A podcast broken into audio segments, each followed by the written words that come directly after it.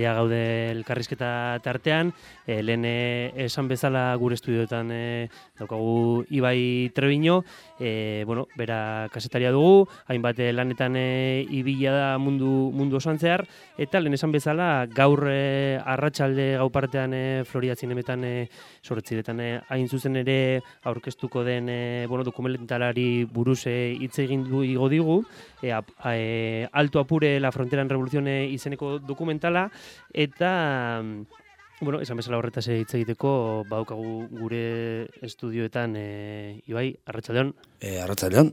Semus Ondo, nahiko lasai eta ta bo, nahiko posik ere eguna heldu dalako ta bastakit. Oso ondo, bueno, lehenik eta egin eh, ez dakit gaur ikusleak e, Florida zinemetara gerturatzen denean, e, ze, ze ikusteko aukera izango du, gero iguale aletuko dugu piztin bat ere testu inguru, venezuelaren testu ingurua, baina bueno, ze, ze aukera dauka gaur arratsaldean e, ze ikusi izango du e, ikusleak? Ba, ikusiko dute, hogeita sortzi minutuko e, ikusentzunezko bat, e, Kolombiak eta Venezuela arteko mugaben grabatutako e, audiovisual bat, edo, bueno, e, eta, eta hori izango da, ez? E, Piskata saltzen duena, osaiatzen dana saltzen, bertako realitatea, e, bai ekonomikoa, bai politikoa, bai soziala, bai ikusleari. Mm esan duzu horre hainbat e, bueno, aldagai asko daudela, ez? Azkenan e, muga, muga bat izan da aldagai asko daude testu horretan. Ez dakite, bueno, azalde zen esaken e, pitin bat orengo edo zu egon zinenan e, han, e, pitin bat testu inguratu zen esaken e, kojuntura, kojuntura hori Ba, importantea da azpimarratzea kujuntura, ez? E, ulertzeko ere lan hau nundik datorren. Mm bueno, e, ni nengoen karakasen, e, eta justo karakasen egonda, e, ben, tatxira, tatxira estatuan, e, mugako estatuan egondako e, krisia gertatu zen, ez? Krisi hortan, e, Venezuelak, e, bueno, e, Kolombia saiatu zen, e, konboi humanitario, ustezko konboi humanitario bat sartzen, Venezuelan, gatazka bat egon zen eta horren ondorioz e, muga itxi zuen Venezuelak. Mhm. Muga itxi zuen, e, harreman diplomatikoak hautsi zituen, eta testu inguru horretan ni agertzenaz mugan. Ez justo tatxira estatuan, pixkat egoaldera hau dagoen ere mu batera, eta testu inguru hortan, astenaz pixkat e, pentsatzen lanaren nola egin lana, edo, bueno, posiblea izango bazan,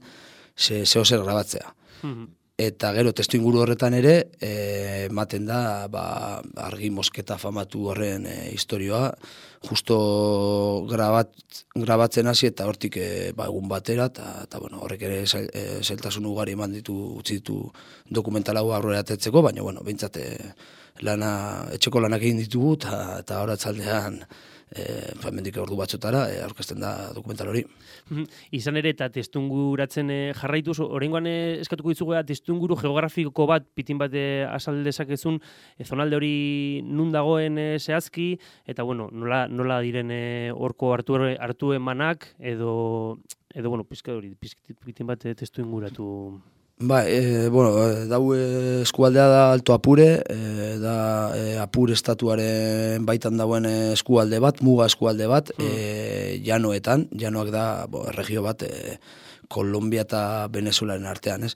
Eta oso leku estrategikoki importantea da, bo, baituelako petroleo reserva ugari, eta, eta bueno, ere, e, komertzio ugari da bertan e, badirare produkzioak eta bueno, e, ekonomikoki oso eskualde interesgarria eta eta importantia da. Bai Venezuelarentzat eta bai e, ba, mugaren bestaldean dauen e, Kolombiarentzat. Mm Claro, igual eh, ez da kitango iriak eh, handiak edo iririk garrantzitsuena zein izango litzatekeen eta eh, igual ezberdintasuna ze suposatzen dut egoera eta gerta, gertatzen direnekoak ez direla berdinak izango bai eh, Karakasen, ez, eh, kapital edo hiri handi baten eta hango eskualde horretan eh. Bai, han hiriburua ditzen da guaz dualito, da izen bat pizkat impronunciable, ba, guaz dualito ditzen da, Eta hor nabarmendu behar da, bueno, lehen e, euki dituela berroita mar mila biztalin guru, eta azken urteetan e, e, bikoiztu da populazioa, eta egun baditu egun da hogeita mar mila e, biztale. Gero, e, Karakasekin epatzen duzuna, bai, desberdintasuna handia da, kulturalki oso oso desberdina dira alako eskualde baten, ez eta hiriburu batean, ez? Eta hor ere, azpimarratzekoa da, e, bueno, nola e, naiz eta e, Karakas edo irinportatetan, bereziki Karakasen ematen diren e, ba, gertakizun politikoak, edo, bueno, epizentro politikoa da, ez, Karakas, hola, bai, nola, bueno, e, eskualde hortan ere, odo Venezuelako beste eskualdetan ere, ba, badira gertakari politikoak, eta are gehiago esango nuke e, benetan e, Venezuelan dagoen krisia adibidez argin bosketaren mm arira ba gehiago pairatu zituztela ondorioak alako eskualde baten ez eta Karakasen, ez? Naiz eta gero, bueno, ikusi Karakaseko opositore batzuk esaten bi egunez oso gaizki e, bizi, bizi izan direla, bueno, nik uste dut igual ez zutelako wifia telefonoan, no, ez dakiz egatik izan baina benetan e, ondorio latzak paretzen dituzten eskualdeak oiek dira, ez, mugako eskualdeak edo zonalde ruralak esan genezake. Mm, bai, hori da. Ze zukan egon zinenan e, zenbat egunez lusatu zen e, argi mosketa edo... Claro, ni egon nintzenean, e, argi mosketa etorri zan, eta ni hortik lau egunera joan behar izan nintzen e, karakasera gainera behar nituen beste e, gauza pare bat lotu, eta ikusten nuen ez e, horren ondorioz ez nitulak lotuko, ba, alde nuen karakasera. Egin nituen hogei ordu bueltatzeko karakasera, eta igual ja, maia pertsonalean, eh? ni heldu nintzen karakasera eta exhausto esaten dana, ez? Ni egia, ez dut e, eukialako sensazio bat inoiz, nola heldu nintzen karakasera argia ikusi nuen, lau egunero ondoren, eta harrituta geratu nintzen, nauen e, shock baten, e, bapatian konektatu nintzen internetera, ez, mobila funtzionetan zauen, zean egon ginen e, zan bakarik argi mosketa, zan ur mosketa, e, zauen telefonorik, eta bueno, ni heldu nintzen, eta izan zen ere bizitzako, e, ba, hola, sensazio bat, ez, e, eta hori, eta karakasen, nahi dute zan, egon ziren, e, amabi edo hogeita labordu argi gabe, beste egun pare bat e, ur gabe, urgabe, baina bueno, dendetan eta basauen eh, eskuratzerik ura, baina e, ni bizitu nituen lau egun e, muga hortan argi gabe, eta gero nik dakidala behintzat beste bi edo hiru egun egon ziren e, urgabe, gero oza, ura eta argia bueltatu ziren, eta hortik e, bi egunera ere joan zan, eta egon ziren beste hainbat egun, urgabe eta argi gabe eta hori dana gabe, eta bueno, hori, ba, esaten nuen bezala lehen, e, nik uste dut, e, benetan e, ondorio latzak e, bertan pairatzen dira eta ziri buruetan. E, lehen esan duzu, bueno, badaudela zonaldeak, non igual eh, wifia, wifia gabe badago la jendea guzti sastoratzen dela, eta beste batzuen, eta azkenan hor, badago nolaeteko maiak eta argi bat Venezuela klasearen, klasearen arira edo, eta mm, nola, nola, nola ikusten da hau, nola ikusten duzu hau? Ba, hori batez ere, karakara zer ematen den fenomeno bada. E, ba, izoaz, e, karakaz aldeko hausuetara, eta bo, e, hauso dirudunak dira, eta ba, bakarrik ez, be, lehen aipatut lagun batekin ez, nola janskeran ja ikusten den e, zein da klase bakoitzeko, eh, zein da opositorea, mm -hmm. hola, orokorrean, eh, bai, badira beste bai. kasu batzuk, baina, bueno, e, orokorrean ikusten den, e, ze, klase bak, ze klasetakoa den bakoitza, eta, eta, eta hori ikusten da, Karakas iria handi bat izan da gainera, ba, hori da erakuslerik handiena. Karakasen egotea ekialdean edo mendebaldean, egotea jende batekin edo estekin, eta bai, klase maila diferentzia handia dau. Osa, oso polarizatuta dagoela esan genezaken e, gizartea, eta bueno, eta, eta nondik datorren polarizazio hori, ez? Zentzu guztietan dago polarizatuta. Ez bakarrik klase aldetik, baita politikoki batez ere, eta mhm. gainera, bueno, e, Ni horrego naizela, e, guaidoren e, autoproklamazioa eta, eta ondoren enbugako histori hori eta argiarena, eta horrek eraman du ere ekarri du polarizazio bat, polarizazio handi bat, eta dokumentalean ere pizkatori hori erakusten da, ez? Osa, esaten da nian grabatuta izan dala e, e, argi mosketaren denbora eta hori dana, esaten da batez ere, testu inguru bat emateko, jakiteko jendeak nola horrek lagundu duen hori polarizatzen. Hmm. Zalako gertakariak, azkenean egite dutena da, e, gizartu oso bat, politikoki polarizatu. Bai, hori, asokaten katu azken finean, ez? E... Bai, hori da, egun ez dakiguna da, noiz apurtuko da, Venezuelan badirudi beti apurtuko dala, eta azkenean ez da inoiz apurtzen.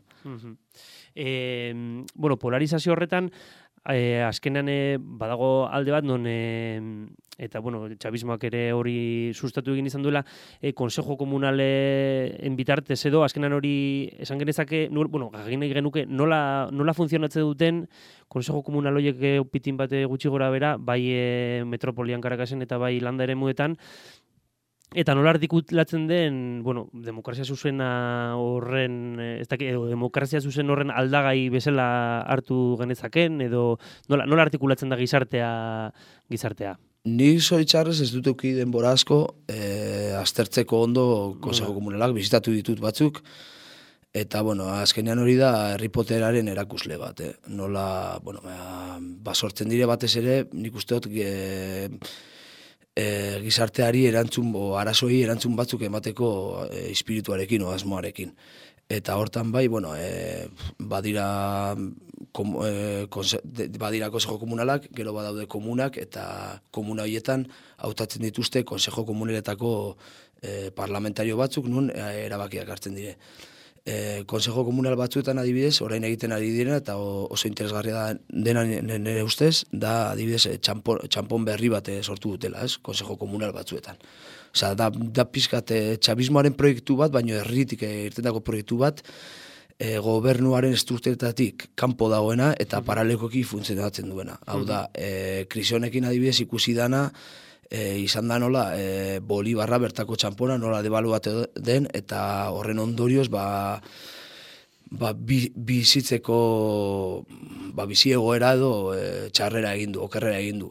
Eta hortan adibidez, Konsejo Komunetatik txampon berri bat sortzea erabaki dute, hainbatek, edo bueno, beste proiektu batzuk e, janaria lortzeko, eta bueno, e, azkenean gaur egun ere funtzionamendu horrek eramaten du, e, oza, funtzionamenduak du e, oinarri hori e, nola lortu ba, arazoi konponbide bat ematea eta, eta nik uste oso interesgarria dela. Bai, eta, bueno, igual e, komuna hauen arteko oza, e, ezberdintasunak egongo dira, baina gero igual ez dakite ezberdintasun horiek e, zeri lotuta egon daitezken, e, igual e, bertan bizi direnen e, pues, egoera ekonomikoari edo e, ere muge gorofekoari, edo igual kapitaletik eta ez, iriburutik eta urrunago igual e, izaten den moduan e, igual behar gehiago dituzte eta orduan e, gauza gehiago egiten di, o, e, bai, arazo gehiago egiten diete aurre, ez dakit igual hori zuk ikusitakoa. Nik esako nuke ere, ere geografikoari lotuta dagoela, e, gero bestalde realitateari, eta azkenian e, be, eta importantena beharrei, ez da behar berdina, realitate berdina e, apure garaiko eskualdean, edo, edo karakas iriburuan. Adibidez, e, apur estatuan e, badau e, konsejo komunal bat, importantenetarikoa komuna bat, ala komuna Simon Bolivar, mhm. eta hori nik uste dut Venezuela mailan e, importantenetarikoa da, esagunenetarikoa, eta, eta bueno, Bane, nik ez nuen aukera izan, ba, azkenean eh, argiaren historia horrekin, ba, ez, gene, ez genu kan petroleoa, zepe gasolina hiru ordutan amaitzen zen, eta ba, zan pizkate zorakeria, eta azkenean ez nintzen joan, baina badira ba, hori, behar batzuen arabera moldatutako komunak edo konsejo komunal eh, oso interesgarriak. Mhm. Eta lehen eh, esan edo, bai, esan, bueno, e, mintzatu zarenean hori komunei buruz e, aukeratzen dituzten parlamentarioak edo hori, e, zelan aukeratzen dituzte edo ez dakite pues, e, boskaketak egiten dituzten edo... Nik uste dut egiten dituztela boskaketak eta asamblea den bidez. Eta geroan badituzte parlamentarioak eta parlamentu bat. Eta hor batzen dira e, erabakitzeko ba, komunekin ze, ze, ze duten. Eta komunen erlazioa estatuarekin, ez dakit, e, beraien artean zelan konpotzen diren, edo, e, o edo, bueno, e, erlazio hori e, zertan ez ikusten den, e, estatuak e, pues ez dakite igual e, be, dirua ematen die edo pues, e, bestelako... Bueno, estatuak ez die dirua emateko ez dago, ze ia esan ez dute dirua asko e, bederen egun. Eta, bai, bueno, e, herri poterearen konzepzio hori txabismotik sortu da, jaio da txabismotik, baino era berean, bueno, ba, badira esango nuke independenteak, ez, Harry Pottere bat, ez duela zer ikusirik estatuarekin ta ta ta hori. Ba, estatuak onartzen du horregotea, baino ez dago bestelako erlaziorik. Eta txabismoa maitzen bada, ziurrenik, e, proiektu horiek e, amaituko dira ere. Mm Osea, azkenan autogestioaren e, gestunen botere hori nabaria da, ezta? Bai, bai, nabaria da eta ez bakarrik komunetan, beste ba dituzte hainbeste beste hainbat proiektu eta bon, nahi badituzu ikusi proiektuak ere sinema floriatik pasatu bai. eta horre hortaz hitz egiten da ere pixkat eta zintezgarria da. Lene aipatu zu ere Bolibarraren eh, fluktuazioa eta um, imaginatzen dugu izango dela ere, bueno, ba, blokeo hien edo e, muga horiek e, kanpotik etorritakoak, ez? Nola, ze, ze muga gehiago daude, ze, nola materializatzen da, bueno, pues, blokeo hori edo ez dakite Bolibarraren fluktuazioan eragina daukan, ez? ez ze beste gauzetan? Bueno, hor badira, badaude faktore asko nik esako nuke, mm. ez? Osea, azteko petrolearen dependentzia, e, nola orain e, petrolearen e, ekoizpena e, erdira jeitsi dan, urte gutxietan, eta hori da, Venezuela entzat oso kartegarri izan da. Hori, hori nik uste talde batetik hori dela. E, gero, bueno, badaz blokeoak, e, adibidez, medizinen... E, e, asuntua lortzeko hori oso oso komplikatua da. Bueno, azken aldian e, Txinak eta Rusiak bidali izan ditu medizinak, zeren lortzeko oso zaila da, adibidez antibiotikoa lortzeko orain zaila dute. Eta bueno, hori esker adibidez mugan interesgarria da ikustea nola e, Kolombian gerra daunden arren, nola aprobetsatzen dute muga hori medikamentuak lortzeko. Hori ere, ba, ikusi daiteke dokumentalean pizkatu eta egiten da, eta eta nik uste dut e, gauza interesgarria daudela. Osa, nola naiz eta mugako errealitate hori, eta pizkatitze egin da nik ikusi du, dudan inguruan, ba nola blokeo hori eta e, ba, janari falta, ez janari falta, baino, claro, devaluazioarekin, devaluazioarekin asko igo da janariaren presioa, eta orduan nola pertsona asko joaten diren Kolombiara hori erostera, eta, eta bueno, ba, buak ere, naiz eta buga horrek ere, naiz eta krisi politiko bat egon diplomatiko bat, eta gerra antzerako zeo zer, o gatazka, gune gatazkatxu bat izan, azkenan aukera ematen die mugako, mugabestaldeko jendeari bizitzeko, ez? Mm Azkenan hori, muga horretan aldagai, aldagai asko daudela esan duzun moduan, eta aldagai horiek e, artikulatzen direnean, pa, oso modu ezberdinetan e, gauzatzen dira. Gero ere, e, arlo horretan, e, eta informazioari dagokionez, eta guri hemen ailegatzen segun informazioari dagokionez, nola ikusten duzu, zu, bueno, azkenan ere fake news e, direlako horien eh, inguruan, nola informazio e, real hori, edo, bueno, edo realitate anitz hori, e, ona etortzen den kanaletan, ze, kanal horiek ze zirrikitu daude, e, zirrikitu horiek e, naita, naita dira pues, e, medio handien eraginez, ez, nola, nola da bide hori, informazioaren bide hori? Hombre, argi dago, e, polarizazioa ematen dela komunikabidetan ere, nahi dute zan bakoitzak e, alako gerra egoera, o, o gerra aurreko egoera baten, base Venezuela dau, e, gatazka handi baten, bakoitzak bere propaganda egiten du, ez? Eta, mm eta ia zan, e, nik banuen ideia bat horra joan aurretik, eta horra heldu nintzenean, ba, ikusi nuen gatazka zela inbestekoa, e, nahi dute zan, e, adibidez, e, guaido, guaido eta estatu golpea, eta or, fenomeno hori nik uste dut e, magnifikatu egin dela hemendik. Osa, komunika, azkenean, e, komunikabideak sortzen dute estenat haiek nahi duten, haien gustoko duten estenatoki bat, gero justifikatu alizateko adibidez e, inbazio militar bat, ez? Eta hori ikusten da, nik ez dute, ez dut ukatzen ez dauenik oposiziorik. Ze hori, eta ba, asko daude, badu jende asko horbiziana, e, opositoreak direnak eta gobernuaren kontra daudenak. Baina ere, ba, badaude txabista asko, ez?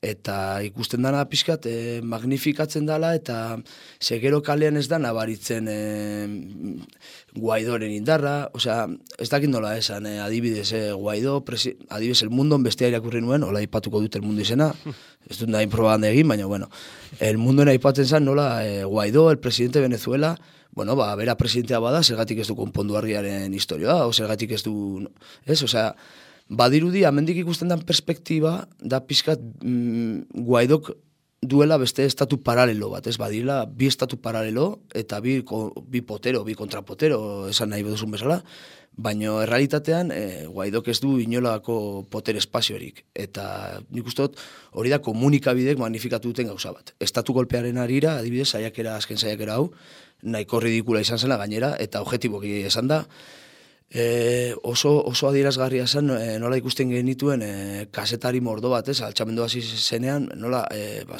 ba, kasetari mordo bat, zubi baten gainean, eta niri horrek harritzen da, unego nintzen guaidoren mitin baten, da pizkat berdina zen, e, oza, ez dakit, basazen e, mila pertsona, ez gehiago, alako egoera baten mila pertsona mobilizatzea karakaz baten oso gutxi da, eta ba, ziren e, kasetari asko, asko, asko, ba, eunka kasetari eta hori da ne ustez ba hori magnifikatzen dela eta azkenean da justifikazio bat e, gerra bat e, burura eramateko.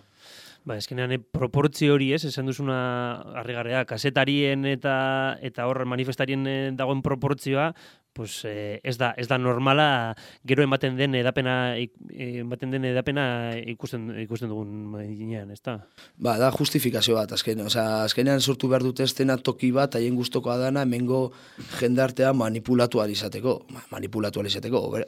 Hobeintzat ez diete ematen eh, hango realitatearen eh, nola da zuzen, osea, Eta orduan, karo, e, nik uste dut, e, gerra ekonomiko bat edo gerra militar bat justifikatu alizateko behar duzu zuk egindako, zuk eh, eraikitako estenatoki bat. Mhm. Eta hori argi ikusten da, e, ukatu gabe badirela oposizioak eta opositoreak eta badutela ere bere haien indarra, ba, nik uste dut, e, amendik ematen den irudia da pixka bat, badauela kupula militar bat ez duena herriaren babesa, hor, poterea hartzen eta eta ez da ez da horrela ere ez e, e, txabismoak kriston e, kriston pisua du gizartean eta eukiko du. Naiz eta orain transizio bat egon e, Trumpek esaten duen moduan ez? Transizio bat egongo da eta e, txabismoa e, kanpoan utzi behar du baina hori hori e, neurri hori ez da realista e, horrek ekarriko luke gatazka gehiago eta gerra ekarriko luke. Mm Eta, bueno, igual pizkat berriz ere ba, dokumentalari buruz eta zuk egon zaren sonaldeari bueltatzen, claro, eta zehazteke, zehazteko ere, e, nigaltu nahiko nizuke, ba, igual, e, zuk entrevistatu duzun jendearen, zebe, entrevistatu dituzu bai txabistak, bai opositoreak, ez? Eta pues bereien artean eh, zuk entzundakoaren arabera zeintzuk izan zitekeen hori pues eh, elkartze puntuak edo beraiek eh, pues hori eh, pues kontra egiten zuten eh, puntuak zeintzuk ziren edo zein arazo ikusten zituzten bat bai batzuk eta bai besteak Nik uste dut hori ez da, ez da, ez da, ez dut amal komuniko punturik, da oso polarizetuta. Bai, hainbesterako bai, distantzia do. Bai, da, esaten badio zuk asko hauek beltzak direla, opositore bateri, berak esago dizu txuriak direla. Osea, ez da, gainera hori da arazoa, eh? zeren, bueno, eh, ulertu daitezke, da, badabela jende bat, munduko herrialde guztiaretan bezala gobernuaren kontra goena, mm. baino elkarrizketatzeko eta negoziatzeko bidea izten dute, izten dute, zeren ez dute e, bakarri nahi dutela potere hartu eta eta ez dute hitz egin nahi inorrekin. Eta polarizazio, pol, oza, esango nuke oso polarizatuta dagoela. Ez dute, ez dakit, konponbidea lortzea e, gatazka horrentzat nik uste oso zaila dela. Nik ezin eskua ikusten dut. Etor nintzen behintzat, e, sensazio horrekin, eh, handik. Mm Ez dakit, iruditzen bat zizu, e, e, bueno, alabediko webgunean e, ipinita dagoen e, notizia eta traileraren inguruko ipiniko dugu, pinti bat ahotsak entzuteko, bos hor ere polarizazio horren islada edo, edo ez, pintzela batzuk e, ateratzen dira, beraz, e, entzungo, entzungo dugu.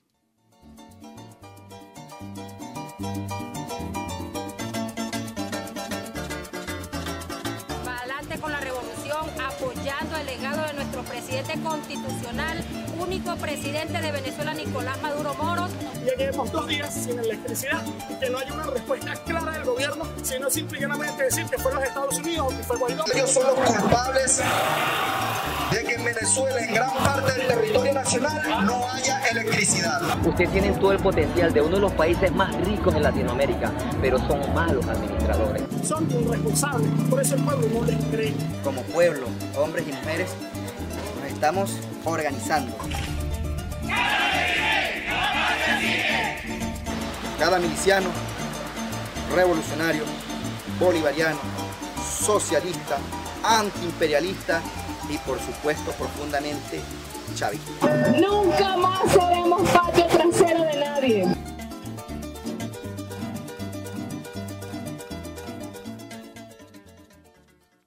Bueno, ba horre gaur arratsaldean e, ikusi izango den e, dokumentalaren pues pintzela pintzela batzuk. Be, badaude hor eh, gauza asko atera daitezke ja minutu eskaso horretatik.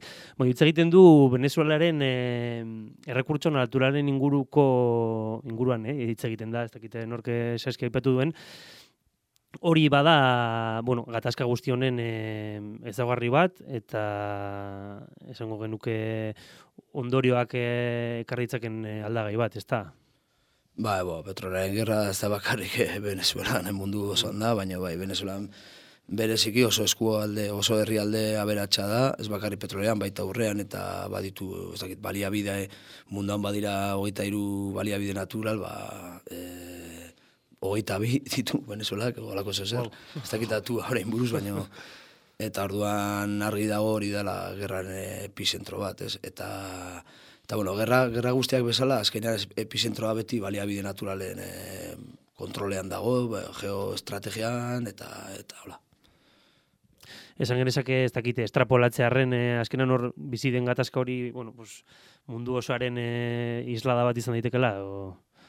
Bai, beste ezaugarri batzuekin, beste ezaugarri batzuekin, baina bai, ez da kasualitatea, adibidez, Ego Amerikan nola aldatu izan diren gobernu batzuk, ez? Nola Lenin Morenoren historia Ekuadorren, e, nola Brasilen ere, bueno, ultraskuindarrek irabazi duten, e, nola Macri eta, bueno, Argentinan eta e, beste beste bat. Mhm. Eta azkenean Venezuela da hientzat e, imperialistentzat esateko imperialistentzat indar potentzia imperialistentzat, ez da gaizki izan da, baino Bai, bai. Haientza da, Venezuela da azken, eh, haien azken elmuga edo, e, behar dute Venezuela kendu erditik e, dana bere ganatzeko.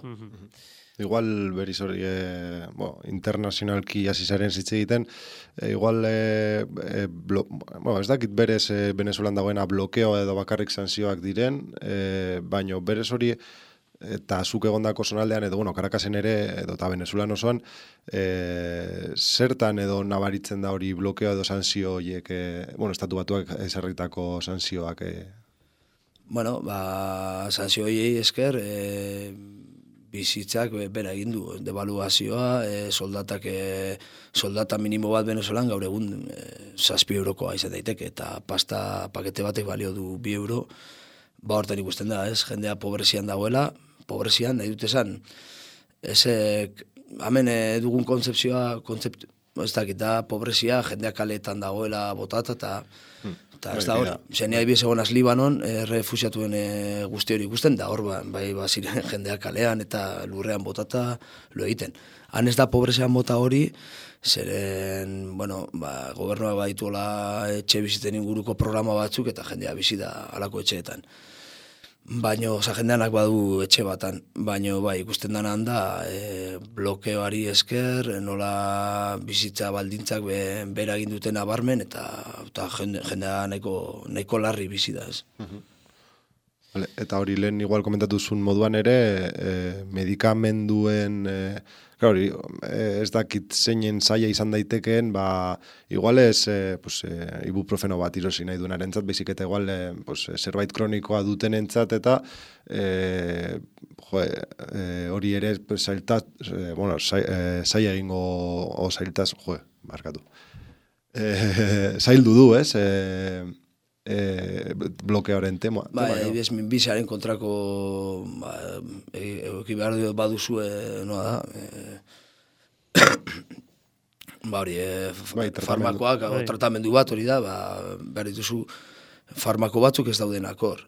Ez bakarrik antibiotikoak. Eta egoten bazara dibidez, Venezuela basoaz eta eukitzen baduzu lagunen batan, esango duzun lehenko gauza da, mesez ekarteko medizinak eta medizinak antibiotikoak hemen zoaz farmaziara, ez dituzu, ba, ba blokeo horren ondorioz e, ez dute ez dute farmakorik. Eta, klar, esan behar da ere, ba, estatu batuek nahi dute demokrazia esportatu, nahi dute jendearen ongi izatea, baino e, eraberean e, itotzen ari dute herri bat, itotzen ari dute eta erailtzen ari dute herri bat. Mhm. Eta itok, aipatu duzune itoketa horretan e, nola ikusten duzu etorkizuna, bakitu oso zaila dela horretan e, ez horretaz hitz egitea, baina azkenean ito, ito ez, e, martio pilon hori dena etengabe, etengabe, etengabe, ze, ze bukaera duka honek? Nik ustot, Venezuelan eukinuen sensazioa da, herrialde hontan beti badirudi zeo zer pasatuko dara, eta ez da inoiz ez pasatzen, ez da inoiz aldatzen. Eta nik ustot ja, momentu baten bueltan, eh, azken rekurtsoak dabilela oposizioak, bere azken rekurtsoak dabil gastatzen, dabil, eh, ba, azken eh, estatu golpearen saiakera, ez da egiten, ni pizkat eh, hartu nindun, eh, ez sorpresas, baino, osea, ondo, eh, emaitza oso, oso, oso txarra izan zen, Eta, karo, baina hor badia beste gauza batzuk ez. Eta kanpo, kanpo faktorek agintzen dute. Eta Trumpek esan zuenean, mai gainean jarte ditugu aukera guztiak, hola esan zuen. Mm. Bueno, ikusten dudana da, zirkulu hori pizkanaka izten doa. Eta bukaerarako zoritxarrez nik uste dut utziko dituela aukerarik e, bortitzenak eta txarrenak. Mm. Gerra edo gana delakoan azkenan badakigu nola, bueno, imperialistak ze, ze nola jokatzen e, izan, jokatu izan dute beti mundu osoan eta noski Ego Amerikan, Erde Amerikan eta eta zonalde horretan. E. Gai ez pizkat aldatuz eta eta ja igual e, bukatzen e, juteko, mm -hmm. bueno, e, dokumental honen ekoizpenari buruz e, galdetu nahi genizuke, pues, e, nola, nola bizi izan duzu ekoizpen hau, nola, nola egin duzu, nola nola horre eraman, eraman izan duzun gainera horrelako testinguru komplikatu batetan, nola izan dozorik lan hori, lan e, zehatz hori?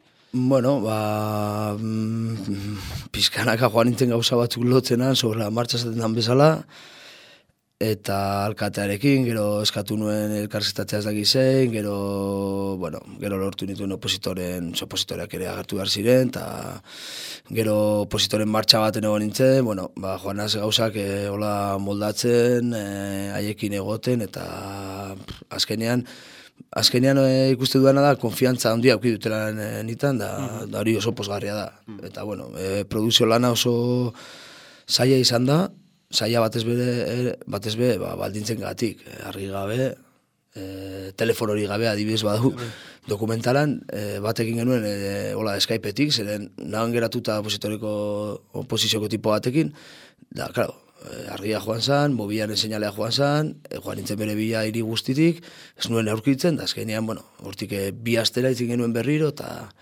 Ba, nahiko zaia, nahiko zaia, baina, bueno, ba, posik, azkenean, e, zeltasunek zeltasun, e, aurrera egitea lortu dut, a, dugu, eta... Eta emaitza hori, ba, gaur e, ikusi alizango du, ezta, zure, zure, zure dira mikrofonoak e, entzuleari, bueno, zuzentzeko, eta, eta nahi duzun esateko...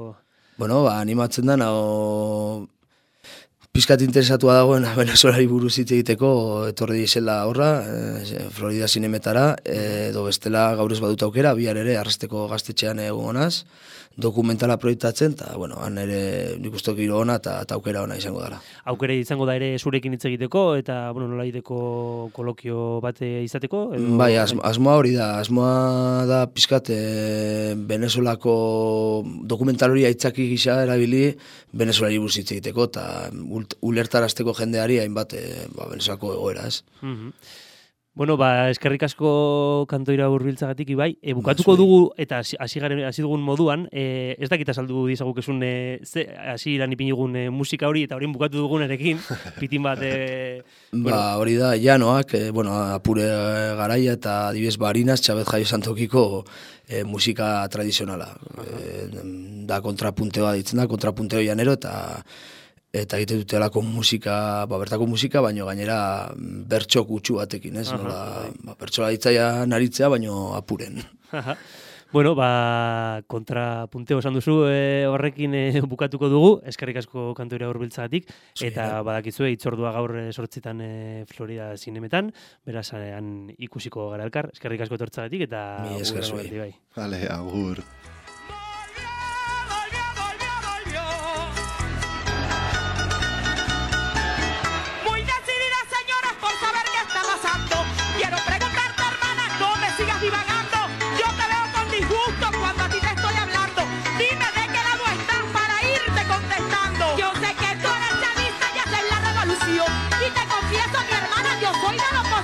La oposición. No